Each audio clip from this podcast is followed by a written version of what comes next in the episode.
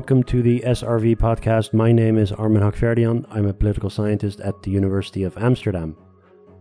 You can follow us on Twitter at Stukroodvlees. You can follow me at Hakhverdian, or please visit stukroodvlees.nl. You can subscribe to this podcast in whichever app you use, and while you're there, rate and review us. I appreciate it. Last year, Thomas Piketty published the long awaited successor to his monumental book Capital in the 21st Century, titled Capital and Ideology. Piketty seeks to understand why inequality is so hard to tackle, and he argues that an important piece of the puzzle has to do with party politics, in particular with the changing nature of the left. According to Piketty, the left has been captured by higher educated groups who care very little about redistribution, while traditional working class voters who do actually care about redistribution are ignored and left politically homeless. While this might sound obvious at first glance, um, the argument actually does not hold up to closer empirical scrutiny. In fact, in a recent article, Tarik Abou-Chadi and Simon Hix show that Piketty paints a very misleading picture of political competition, the support basis of politics, the composition of the electorate, and the preferences of income and education groups. I'm very happy that Tarik is joining me today to discuss this matter further. He is assistant professor of political science at the University of Zurich. He's an expert on elections, political competition, and the transformation of post industrial societies. He also hosts a terrific podcast series called Transformation of European Politics, which I can't recommend highly enough. If you like nerds talking political science, which uh, you obviously do because you're listening to me now, uh, you'll like Tarik's podcast very much. You can also follow him on Twitter at T Abou-Chadi. Make sure to check the show notes for the actual article too. It's a great read. Over to Tarik Abou-Chadi.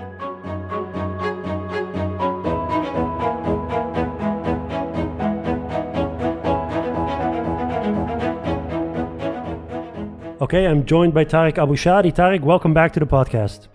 Thanks for having me again, Armen. It's been two years. Last time you were on, we talked about social democracy. Um, you're a podcaster yourself now. Yes, I've joined the, the group of podcasters. Um, so I'm hosting a podcast that's called The Transformation of European Politics now, um, where we have, where I have political scientists on who discuss um, a work of theirs that helps us better understand uh, what's going on in European politics at the moment. Yeah, and it's a very popular series, rightly so. I like everyone who's listening to this podcast would love Tarik's podcast as well. So uh, please go and check it out. Also, if you're teaching on European politics, uh, it's a great resource for teaching as well. And also, there I know there's students listening here. Um, you know, if you're following a course on European politics, there's a lot there in Tarik's podcasts that you can use apart from all the stuff that you read. So, um, yeah, I really like the like the series. So thanks for providing that service also to the profession. Thank you.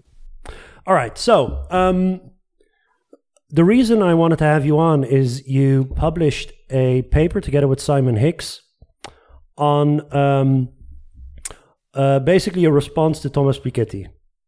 Mm-hmm. And um, obviously, Piketty wrote a successor to his best selling work, Capital. And the successor is called Capital and Ideology. Um, and um, he makes a very sort of provocative and also popular argument mm. uh, about political cleavages in the West, transformation of the policy space and social basis of politics. So I thought we'd have you on to talk Piketty talk the stuff he gets right, and maybe also where he's at odds with political science uh, research. Mm-hmm. I might even call the podcast Piketty versus political science. Um, but um, so, could, could you explain uh, first um, why you and Simon wanted to write this particular paper? Yes. So, the paper is part of a special issue in the British Journal of Sociology. Um, and we were invited to participate in this special issue. And the special issue is a response to capital and, and ideology. Um, and one of the persons organizing the special issue is uh, Mike Savage, who's a quite well known sociologist at the London School of Economics. And they had done a similar special issue already in response to Capital. And so they thought they want um, to do this again. And they invited Simon and me to kind of write the political science article in this special issue uh, because capital and ideology has a lot of aspects and it's really like a, a broad very long and thick book about many many aspects of the social economic and political world. And there is one section this is the one i guess we're also going to focus on today uh, that focuses on political transformations. And so we were invited uh, to write a response to this section I think because Simon and I both recently have published work on especially the transformation of social democratic parties, or especially their success right. and their electorate. And so um, Simon Hix had a co-authored article in the uh, American Political Science Review last year. Um, and I had published one that we already discussed in this podcast uh, in the Journal of Politics. And this is how we got together uh, to write this response, focusing on this transformation of electoral politics in Europe, and um, especially focusing on on the left. So I think um, maybe it would be useful for those who haven't read that part of uh, Capital and Ideology, maybe to recap his claims. Mm-hmm. It, I think it's part four of Capital and Ideology. Yes, right. This is he left part the, four of Capital and Ideology, yeah. And, and, part part four of uh, Capital and Ideology, and there are many other parts that I guess we're, I'm, I'm going to bracket now um, yes. and, and, the large argument of the book. In this part, the focus is on a transforming support base of established parties in Western Europe and the consequences of this changing support base for inequality or redistribution his focus empirically is uh, first of all strongly on France and then also the United Kingdom and the United States. I'm just going to say this because this will probably matter for a couple of arguments that we, from our political science perspective, uh, always think about electoral systems, for example, and this mm. will hmm. matter uh, later on in the conversation. His main argument is uh, that the support base of especially the mainstream left has changed in a way that's fundamentally important. What he says is that in the post-war period, 1950s, 1960s, social democratic parties largely represented what we would call the working class. So people with less education and little income. And what he has, what his main argument is that this is now today changed and that social democratic parties now mostly represent what he calls the brahmas. So building on right an, an, Indian caste, and you can of course discuss this, and uh, we're far away from being any experts on this and its terminology. But this, this, the, the main point here is that now social democratic, mainstream left parties, the left, as he argues, uh, represents people with higher levels of education much more than they used to. And so we have a situation, he argues, where um, parties of the left now are the representatives of a group that is highly educated, but maybe does not have uh, high levels of income, while the mainstream right represents a group that is also highly educated, but especially has high levels of income. Um, and even if they're a little less educated, um, still make a lot of income. And this is what he calls the merchant right. And so he says there's this competition now between the mainstream left and the mainstream right that represent, on the one hand, the Brahmas, and on the other hand, the, the merchants, the Brahmin left right. versus the merchant right. It's the intellectuals versus the merchants, and um, the, uh, let's say, traditional working class is actually ignored by both streams.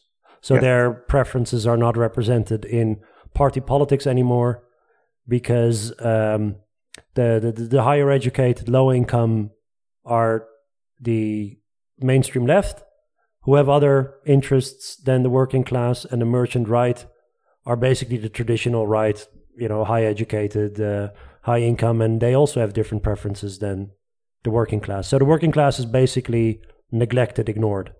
Yes, that, is, that is his main point, which then fits into the larger argument of the book in the following way. So it's a, a big argument in his book, or big question of his book is why has economic inequality increased so much uh, in mm. uh, the last 30, 40 years, um, or also generally providing frames for understanding uh, different types of uh, economic and social inequality. But this is the focus of, of this argument. And so um, I guess the argument becomes quite clear here to say, well, because the left does not represent the working class anymore, and now represents a group that has supposedly less redistributive preferences because they're still uh, privileged because of their higher education, we see a left that is less engaged in uh, redistributive policies, so that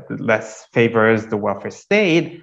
And then what fits very well his narrative is the idea of, well, we have seen New Labour, right, Blair, Schröder, Clinton, we have seen these changes in policies um, that have been, that have departed strongly from uh, traditional welfare state schemes and could, you could call them neoliberal policies, or at least some people do. And so this fits his idea of now a left that doesn't represent the working class anymore. And, as a consequence, we have seen these much less left wing and much less redistributive policies um, in the last 20, 30 years, even when the left has governed. Of course, he's always been interested in policy interventions that could stem the tide that, for instance, wealth inequality, how to curb it, how to be more egalitarian. And he ventures into political science to explain why this hasn't occurred. So his explanation for continuing rise of economic inequality is basically, well, what, yeah, that the left has other things on its mind and it doesn't cater to the core constituency who actually has these redistributive preferences.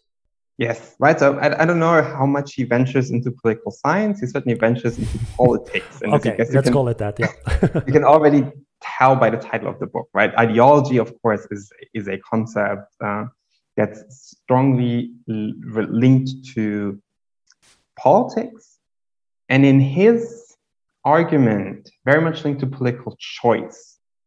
Uh, so interestingly, and maybe this is becoming a bit uh, too academic now, but interestingly, for an economist, this argument is very non-structural.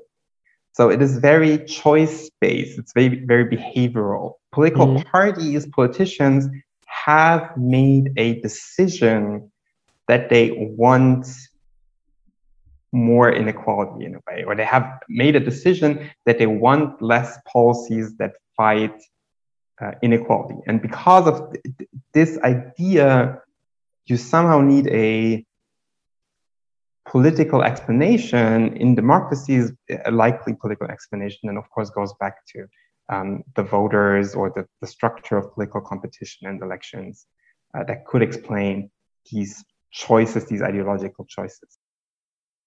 So, um, some of the things you're saying, they, they sound familiar to people who are at least even superficially familiar with the works of people like uh, I don't know Lipset and Kitschelt and and so on. So some of the things he says are very much in line with a long-standing tradition in political science, and you've said a couple of names already. Work of Seymour Martin Lipset, who has looked at these things already in the 1950s and 1960s. Uh, Herbert Kitschelt, I guess, is the most important person um, to understand this transformation. I'll say about it some more things about it in a second. And then I would say um, the collaborative work by Pablo Beramendi, Silja Häusermann, uh, Hanspeter Kriesi, and again, Herbert Kitschelt, to really look at these, the question of how social structural change in post-industrial societies has affected, on the one hand, party competition, on the other hand, uh, policy outcomes in terms of economic and social policies. The main argument that Herbert Kitschelt makes, and this is not un, un, similar to what, what Piketty does, is to say that the structural social economic transformations since the 1970s have led to societies where uh, we see an erosion of the size of the traditional working class, where we see an increase in education, which leads to a changing, especially occupational structure. And this occupational structure is paired with an increase in female labor market participation, with uh, generally changing gender roles and family roles. And these things coming together have led to uh, a politicization of political issues that haven't been part of political competition before. Um, so in the post-war period, political competition was strongly focusing on redistribution, the welfare state, while then these new issues were more issues around questions of how society should be organized. So gender equality, immigration, also environmental protection to a certain degree, LGBT rights, and so on. And so these new issues, the politicization of these new issues, Kitschelt argues, leads to or puts pressure on established parties to uh, try to form new electoral coalitions because this new dimension of political competition does not allow parties to stay in the uh, in this one old dimension anymore, but they need to necessarily try to integrate these issues. And what he argues then is that, especially for the mainstream left, this meant they had to try to appeal to a new, more educated, often urban um, electorate. And if they didn't, this would open the door for new political parties, such as Green, more progressive, left liberal parties, such as D66, for example, in, in the Netherlands. Um, and so this is the this is the scenario that Kitschelt described in um, a 1994 book on the transformation of European social democracy the there, there's all sorts of things going on on the side of society, which you would, I suppose, call the demand side in jargon. It's society is just changing, and it is the idea that society changes, and these new groups come up with preferences or their priorities, and they get translated into political parties, etc. Or like, how much is this really this bottom up process? Rather than, for instance, I don't know, you know, political entrepreneurs politicizing stuff that is there. So you you mentioned the word politicize, but it sounds a bit passive. Yeah. So I, I would say I feel I'm a little in between these uh, this more bottom up and, and, and top down down approach. So the people I, I just named, they strongly emphasize the role of socio-structural change for this demand side. So exogenous in, in, in political science jargon, right? So preferences are largely determined exogenously by people's position in the labor market or just in within social structures, right? These social structures determine preferences. And then parties can still react. Parties have agency, yeah. In, within this framework that I described, parties' agency largely is in picking positions. So coming up with political bundles uh, of policy offers within this changing um, elect and this changing political space. However, what one could argue is argue, and I would certainly agree, that parties have the opportunity to also shape how people think about politics. Um, and this is on, on the one hand, and this is no one would uh, debate this, the salience of issues. So what issues make it on the agenda, the things that, that we discuss that are important to us, and political parties can certainly, emphasize, can certainly emphasize issues and have impact on how people think what's more or less important. More debated is how much parties can actually change preferences, how much you think you want more or less of the welfare state or if you want more or less immigration. Right.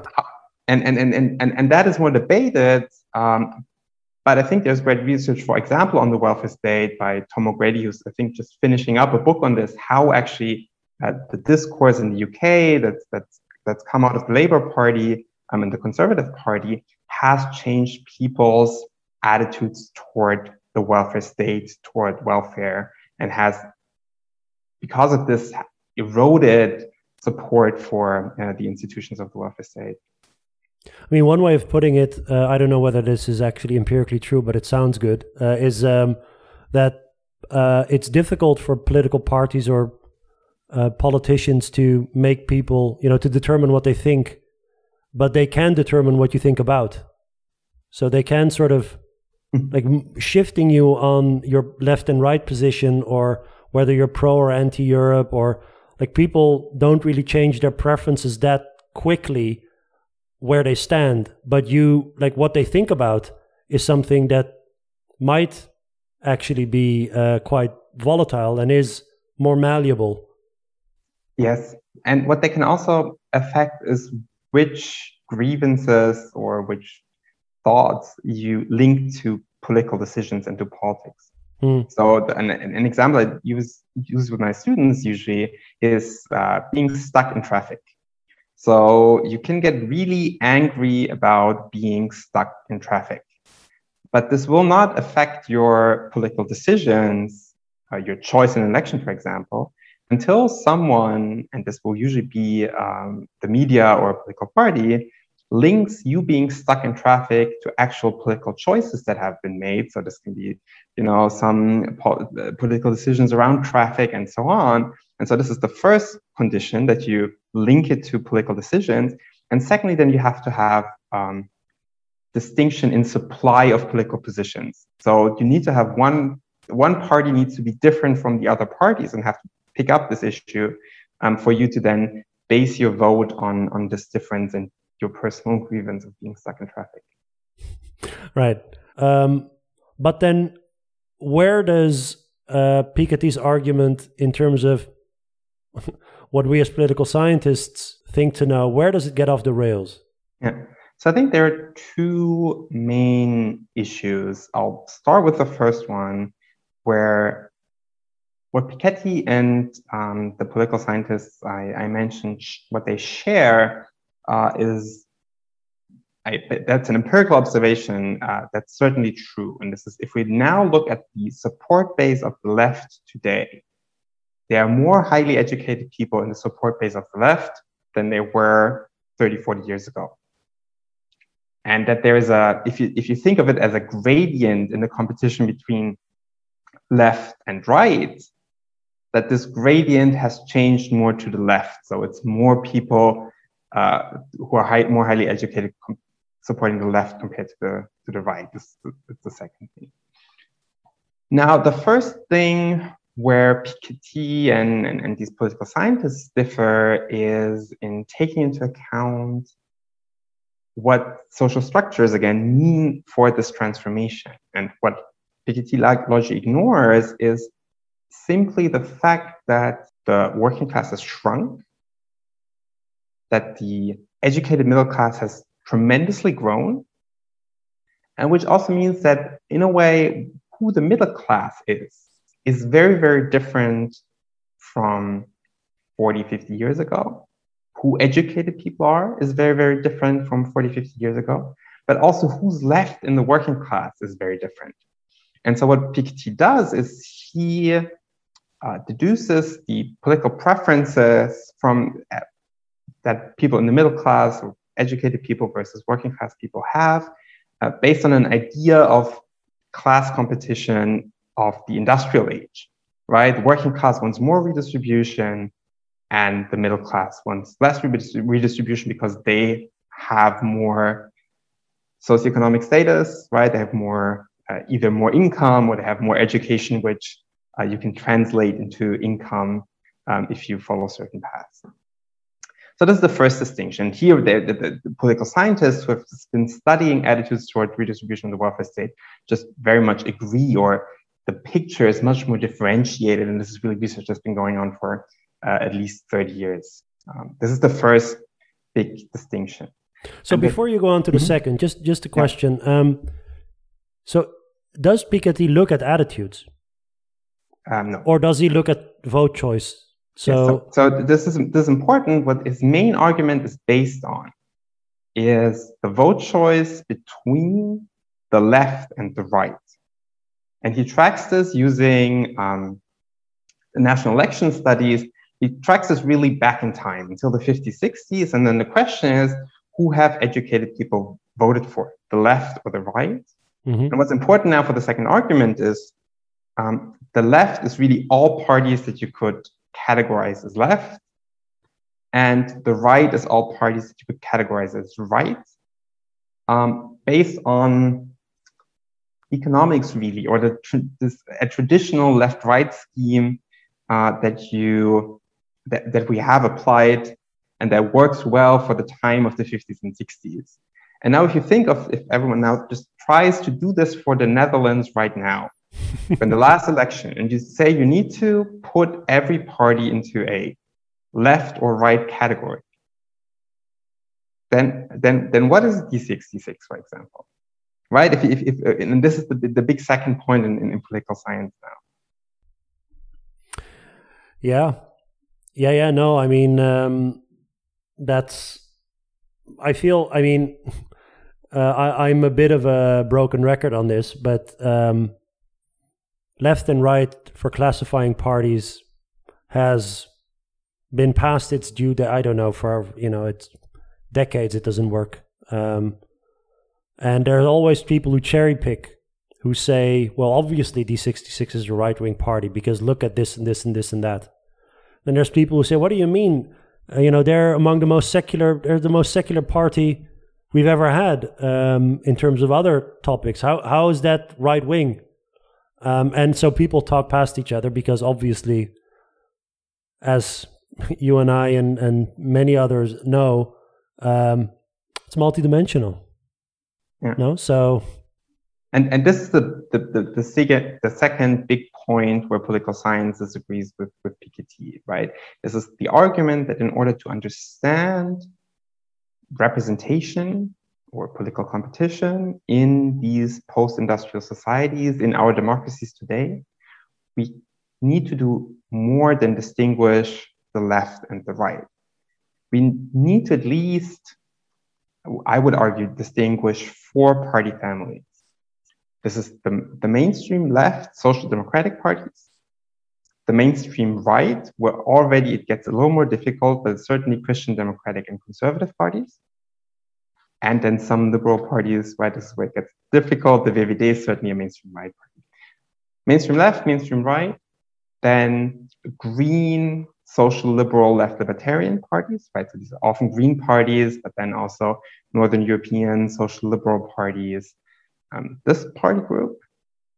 And then the fourth is the radical right, right? So the, uh, the PVV, the German AfD, and so on, the FPÖ and so on. And you need to distinguish these four party families in order to uh, get an idea of um, the, to, to, to separate the support bases and to understand new electoral cleavages, you need to take these different party families into account. Because now going back to Piketty's argument, we see that these two party families, basically the, that I've added, the Greens and the radical right, these are actually the parties at the extreme poles of the electoral cleavage. We know that green left libertarian parties overproportionally uh, represent more educated voters. People who have uh, higher education have a higher tendency to vote for the Greens than people with less education. And on the other hand, we know that for the radical right, it's the exact opposite, right? So we, we find that people with less education are more likely to vote for the radical right than people with higher education. So by having these new party families hidden in this left or right category, we miss what is actually going on in the transformation of representation and uh, electoral cleavages and assume that this is actually what's happening with the big parties that we usually think of when we think of the left and the right, right?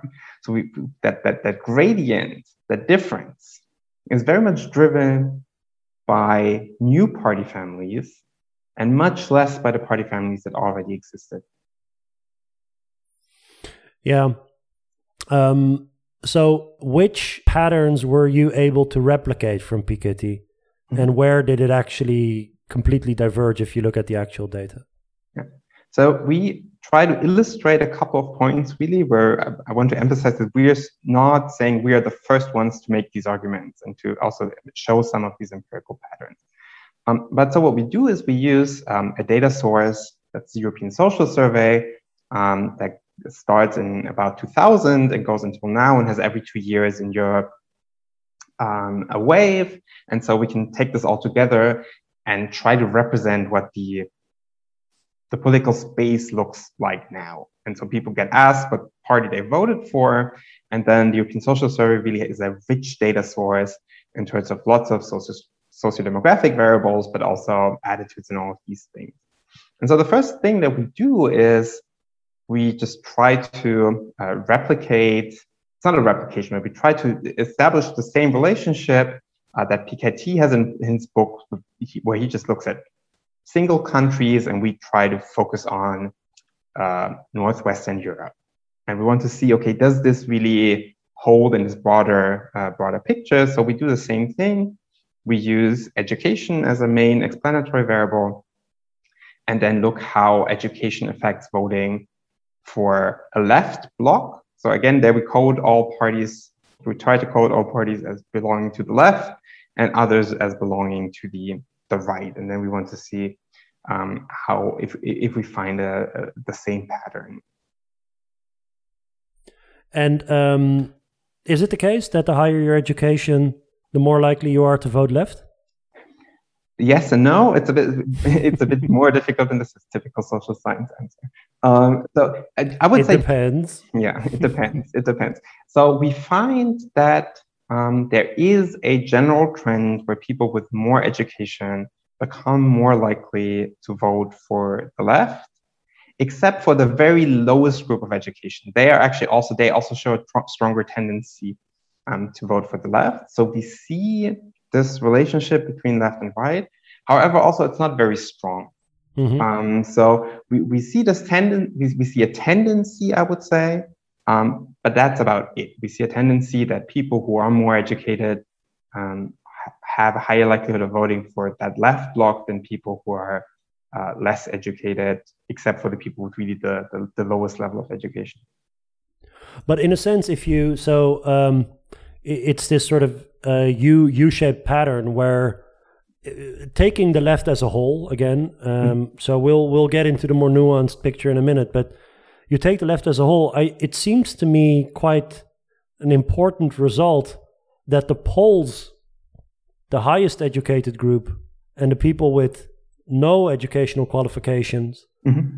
vote for the left, and the group that is most likely to vote for the right, again, as a whole group, is the group in the middle. Yes. And so, so th- that is true. This is a bit this U shaped relationship um, and this U-shaped relationship has a lot to do with how uh, what class groups are basically represented by these by this ed- educational right. um, uh, pattern. And so we know that then if you go into a little more details, um, that people who follow a more um, routine task structure, but actually become successful in their job, right? Who are doing well, but are, who are not um, who are not academics. This is a typical block of the uh, of the right by now, um, and, and, this is also this also includes certain types of um, what a Marxist term would be the petite bourgeoisie. Uh, so people who self-employed also. Yes, self-employed, but having a small business, right? Small mm-hmm, business yep. owners, sure, um, a, a, store owner, a restaurant owner, um, but also people who, for example, are soldiers or policemen, women, um, these groups, these groups are typical groups of the right or even the radical right. And so these fall into the, also these, uh, right, these, uh, these middle education categories very often. And, and, and this is what, what to a certain degree reflected in this pattern. But we should also say for the lowest education group, these are of course very people who very often don't vote at all. Mm-hmm. Right. So this, this pattern that we see in the survey, the question is how much this is actually reflected in uh, actual voting decisions. And what happens if we look at the um, distinctions within the block of left and right? Yeah. So this is one of the main arguments in, in, in our paper, right? That we need to do this and that yep. we then also want to empirically illustrate in, in this analysis. So we look at how education is related to voting for the mainstream left, the mainstream right, green left libertarian parties, and the radical right. And here we see a couple of things that we really found striking when we looked at this, although it's quite in line with political science research, but because it explains so much of that uh, Piketty pattern. So what we see is that for the mainstream left, for social democratic parties, we don't see a strong relationship with education at all. This is it is it is quite constant, and if anything, education has a negative effect of voting for the mainstream left. So people who have more higher education are less likely to vote for a mainstream left party. The group that gets the party family that gets the most support among the highly educated is the mainstream right, right? Conservative, Christian democratic parties. These are the people who are most supported by highly educated voters. Again, we don't find such a strong relationship between education and voting for the mainstream right. This is quite constant over the education groups.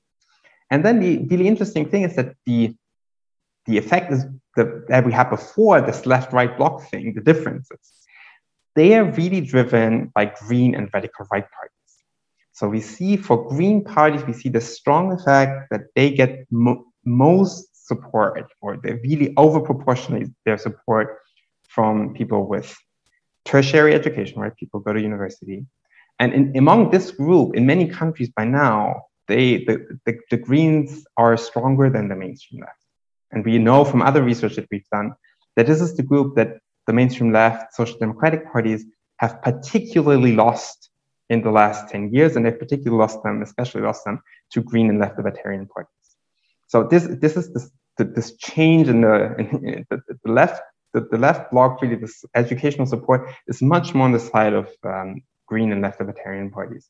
And then on the other hand, you have the radical right that has strongly mobilized people who have uh, less education. And among people with tertiary education, much, much less people vote for the radical right.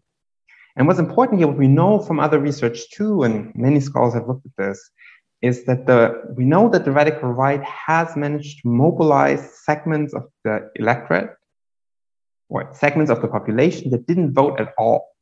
Mm-hmm. So they mobilized people with less education who didn't vote before, who never identified with parties, and made them part of the electorate. And this is really the main reason why, when we look at the right as a single block. We see that the right now represents more people who have less education, in, in, in especially in the in, right in the systems as such as Germany, the Netherlands, and so on, where we have this multi-party competition. This is really um, this bloc supports the radical right. They weren't former social democratic voters, as we uh, love to emphasize. This is really important. Right. Um, and these were just people who then became mobilized and became part of the electorate through the radical right, and they have less education. This is really what's driving this. Uh, I'm curious what happens if you look at the occupational groups, because I think it's important to, uh, when we talk about income and education, maybe also just you know what what what occupations are driving it. You you lifted a little bit of the curtain before, but um, if we unpack this idea that the mainstream left has become this Brahmin left stronghold. Mm-hmm. Um, what remains of that, and and what do you see in your data regarding the actual social classes and occupations that support that make up the support for the mainstream left? Yeah. So there's one group that uh, political scientists and sociologists like to call sociocultural professionals. Um, so these are people who are have high levels of education, mm-hmm. but aren't necessarily uh, have not necessarily above average income, or at least don't have very high income. Um, so these are people in interpersonal jobs. Um, this can be a teacher, for example. They are not, let's say, lawyers um, or doctors or managers. Um, but they've usually gone to university, um, and depending on the salary scheme, they could also be professors in some countries. Um, and so it, it is this group, also people who work in the arts, uh, social workers, uh, this group of people. This group Pub- has, is it public sector mostly, or um... this this this can often also be public sector. Mm-hmm. Um, so this is, and, and I'll say maybe something about public sector in, in addition, but, but, but this group is, is often public sector, but it's also, let's say, but for example, uh, private can be private sectors too. Um, and work, people who work in the media, um, uh, these, these areas. And this is a core group of the left. And in this sense, in the left of the mainstream left, many of them vote mainstream left, but they especially vote for Greens and, and, and left uh, libertarian parties. But in our analysis here, we also see that this is a group where the mainstream left is strong, where social democratic parties are strong. In addition to this, the mainstream left remains a strong party, draws mu much of its support from still production workers and service service workers. Service workers, I think, get often forgotten in this in, in this story, uh, where when we think of the working class, we think of a male factory worker or a miner or something. Um, and, yeah. and, and, the fact that the, the, working class, of course, today looks very, very different. It's very female, often has migration background and so on. So they make up um, this, this, other part of the working class. And with them, too, we find similar levels of support for the mainstream left. These, they are still an important source of support uh, for mainstream left parties. Um, and so it's these three groups and then additionally, what we can think of is a distinction between um, public and private sector that you just mentioned. And here, in addition, we find, um, and this is also something that Simon has shown in other work, that public employees are particularly likely to vote for the mainstream left, for social democratic parties. Typically, nurses and teachers. Mm-hmm. These are these are the two occupations uh, that support social democratic parties in, in most countries. There's a great sentence in there somewhere um, where you say um, it is not um, not at all the case that social democratic coalition is only dominated by an educated elite, unless one counts nurses, teachers, and social workers as such. And I think that's that's really true. I think many people look at this um, this intellectual supposed intellectual elite that dominates the mainstream left now and they they overgeneralize. Whereas looking at the actual core base of support, you find a lot of, I mean, I hate the word, but common, like regular occupations, occupations that also when it comes to, um, you know, I don't know what the discourse was like in, in, in, in Germany or in Switzerland where you're actually based, but um, in the Netherlands, the start of the Corona crisis, people um, made this distinction between vital occupations and non-vital occupations. Well, mm. a lot of the really vital applications uh, were actually the service workers and the types of professions that you were talking about. Um, yeah. You know, but but oftentimes in the in the let's say imagination of especially the radical right or in the populist right, they're not seen as the common man or person. Yeah. You know, but it's it's very very strange to count these among the sort of intellectual elite or the Brahmin left or wh- whichever term you want to put on them? So I think this has much to do with the fact that I think people underestimate how strongly social structures have changed in the last 30 years, and mm. that they underestimate the degree of educational expansion. If you look at 20 year, year olds in Europe, in Germany, um, I know the numbers, it's about 60% of them go to university. And I'm sure it's similar in the Netherlands, if not even higher. So you, you if, if you say going to university makes you part of the elite, then now 60% of 20 year olds are the elite. And I think this is this perception that, that we're still seeing going to university somehow as a, a, something that only a share of privileged people does that then come out and have these high paying jobs and then the right the, the, the common man and i'm using man deliberately here right is the person who works in, in in a factory or so. And this is of course and this is just a very right this is i mean this is this is a narration and this is a narration that has been very important for social democracy.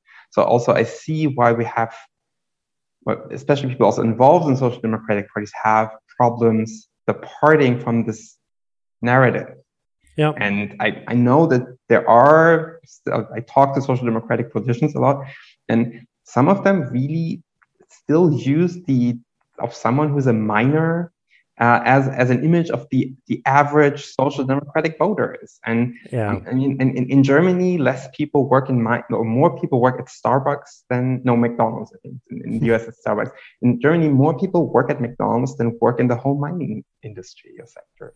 And yeah, so these people listen to many Bruce Springsteen songs. It's it's a sort of romanticized idea of what a working yeah again man usually because they don't look at people with my wide working men actually. Um, but it's I think it's um, one thing that I, that I also found interesting is that actually when you look at uh, the merchant right, so to speak, that it's actually much more in line with what Piketty actually found himself. Well, you again, it, I think it's more useful to distinguish these two segments of the um, of the right support group. Is on the one hand mm-hmm. the petit bourgeoisie, and on the other hand, let's say a managerial class.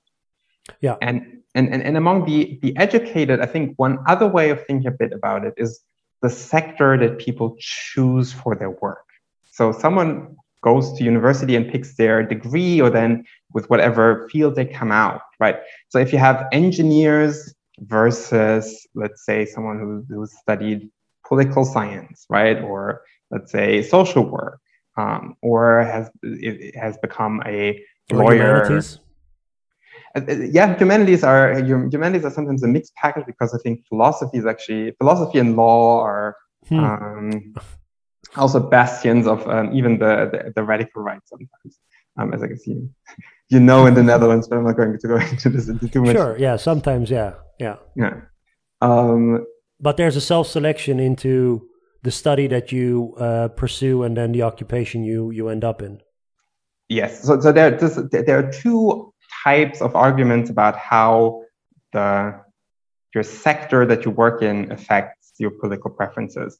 One would just be this is somehow a preference, a long hold preference that makes you pick these fields more as well as makes you more left wing or progressive and other right. So this is this is predetermined. There is another argument that's, that says that the type of work you do affects how you think about politics.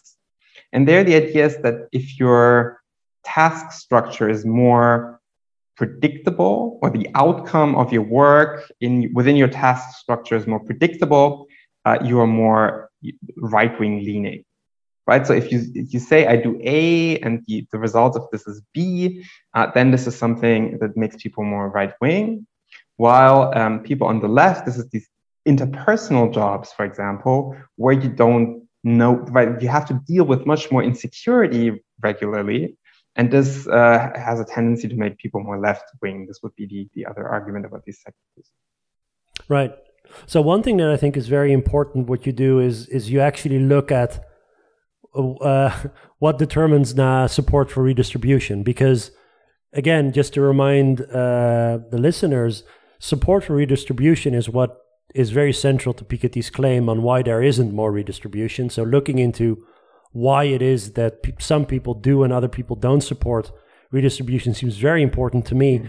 And there, so what you you and Simon do is you also uh, look at the levels of redistribution among these education, income, and occupational groups, and there you actually find a very um, important distinction, I think, between the type of higher educated voter that votes for the right and the type of higher educated voter that votes for the left. Mm-hmm. So this again an argument that has been been made before that we try to pick up here and illustrate in the article again. And here the main argument is that we need to distinguish something like a new middle class from an old middle class. And these new middle class voters are already we talked about, these sociocultural professionals. These are actually people who are strongly in favor of the welfare state in general. They're in favor of redistribution. They're often in favor of higher taxes, even. They're especially in favor of everything that has to do with education um, and, and, and, things like uh, childcare, for example. So generally, they're in favor of a strong state uh, and, and also redistribution. And there's another share of the middle class that's much less this. Um, and so what we, we show in the article is that A, this is the case, right? That we have highly educated groups that are very much in favor of redistribution. But additionally, that we show that among these educated voters, we really find the segregation into the left and the right based on these redistributive preferences. Uh, so we find that redistributive attitudes is a strong predictor for people selecting into the left or the right to vote for the left or the right, um, and strongest among people with higher levels of education. Um, and it is, it is actually much less the case for people with uh, less levels of lower levels of education. There we don't find that redistributive preferences um, matter so much for choosing between the left and the right. Differently put, we find that people with higher education and redistributive attitudes are more selected into the left, and people with yeah. higher education and uh, and less redistributive preferences are more selected into the right. So, I mean, the the more education you have, the stronger redistribution is going to matter for your vote choice. But I mean, doesn't that go straight counter to the argument that um, the educated left, these Brahmin uh, groups, are choosing the left because they are no longer in support of redistribution? Yes, so this goes strongly no, against. Yeah, so it's yes. So um, this is something we've known, right? And this is if you if, you read literature on social policy and the welfare state, anything in the last twenty years, we just know that these new left voters, new middle class voters, are generally in favor of redistribution. And this is why when they came up, and here I can recommend actually my own podcast episode with Herbert Kitschelt, who talks about the, the, the time um, when these new social movements in the 70s and 80s uh, politicized issues such as gender equality, but especially the environment or these like anti-nuclear energy movements. Mm-hmm. These people yeah. were generally left wing. Um, they were natural, a natural electorate for social democrats. And social democrats then often failed to attract them because they didn't change their position on nuclear energy and, and other issues enough. And so they, these people selected into Greens and, and, and more, you know, these, these progressive parties, but they've always been in, in, in favor of redistribution. But it, to me, it's surprising um, in in a way that um, why you would run the risk of showing patterns between uh, support bases and vote choice without looking the, in the black box what goes in between them, looking at the attitudes especially if you already use surveys to show that pattern, why not take a look at the intermediary steps and actually look at the attitudes, which is what you and Simon and obviously others have also done? Why infer what the preferences are based on some notion of what industrial society looked like 40 years ago, rather than looking at what those same groups now say in surveys that they support? I guess this is now a plea for the importance of what we call a literature review, right? if, if, if, if you look at what people have done before, and the, if you look at and you really study and engage with arguments that have been made in political science, you necessarily need to come to the conclusion that just looking at a left block versus a right block and then a um, calculate this education gradient and then B from this representational pattern infer some and, make an inference about how this matters for redistribution that this can't be in any way a, a valuable task forward in, in contributing to an existing literature right? So this is if, if you if you do the work and really engage with the things that are out there then you have to come to this conclusion and honestly, the only reason, the only way you cannot come to this conclusion is by not engaging with, uh, with the literature that exists, but instead using um, standard economic models about redistributive preferences, right? Where you just have one class dimension basically, and, and, and, and, and there, if you're higher up, then you want less redistribution. Yeah. I, sh- I should say one thing I think that's important. So we don't want to say that education class don't matter for preference around the welfare state and economic policies at all. It's just quite a bit more complicated than um, Piketty assumes in, in his paper. And I think there's great work, for example, by my colleague Silja Häusermann, who shows that what distinguishes more and less educated voters or people in general is their priorities for the welfare state. So what, what, the, what the group around Silja Häusermann and others argue is that people have more education, they prioritize welfare spending on especially education, training, what we call social investment. And people with less education prioritize other types of welfare spending. This would, for example, be pensions uh, or unemployment insurance. So this, this distinction exists, and this also structures behavior um, and, and, and, and, right broader preferences. Mm-hmm. So there are class differences, and class differences can still matter. It's just not they just don't in the way that the Piketty assumes in in the book. So just to uh, wrap up, maybe um, because um, a lot has been said, also in the Netherlands, in the wake of the past uh, election, uh, and elsewhere, of course, about the electoral fortunes of the left. What what implications do these findings have for party strategies for uh, both mainstream left as well as, let's say, the the new left? Um, because mm-hmm. the the core of the challenge still remains that you have to forge alliances in some way to be big enough to um, to to compete for office again. Mm-hmm. Um, but it has become a lot more complicated than 50 years ago. Yes. So, first of all, what the changing social structure means for the left is that in order for, for a viable coalition of the left, you need a sizable share of the educated middle class that supports you. And your best shot is at these types of sociocultural professionals, people with generally progressive attitudes who are more educated and maybe not the, the merchants, right? So this is this is just a necessity for the left in uh, in, in, in post-industrial society, and this is increasingly the case. And there's no way of going back. There's no way of again becoming the party of the industrial working class because this is not uh, going to win you any sizable share of the electorate anymore.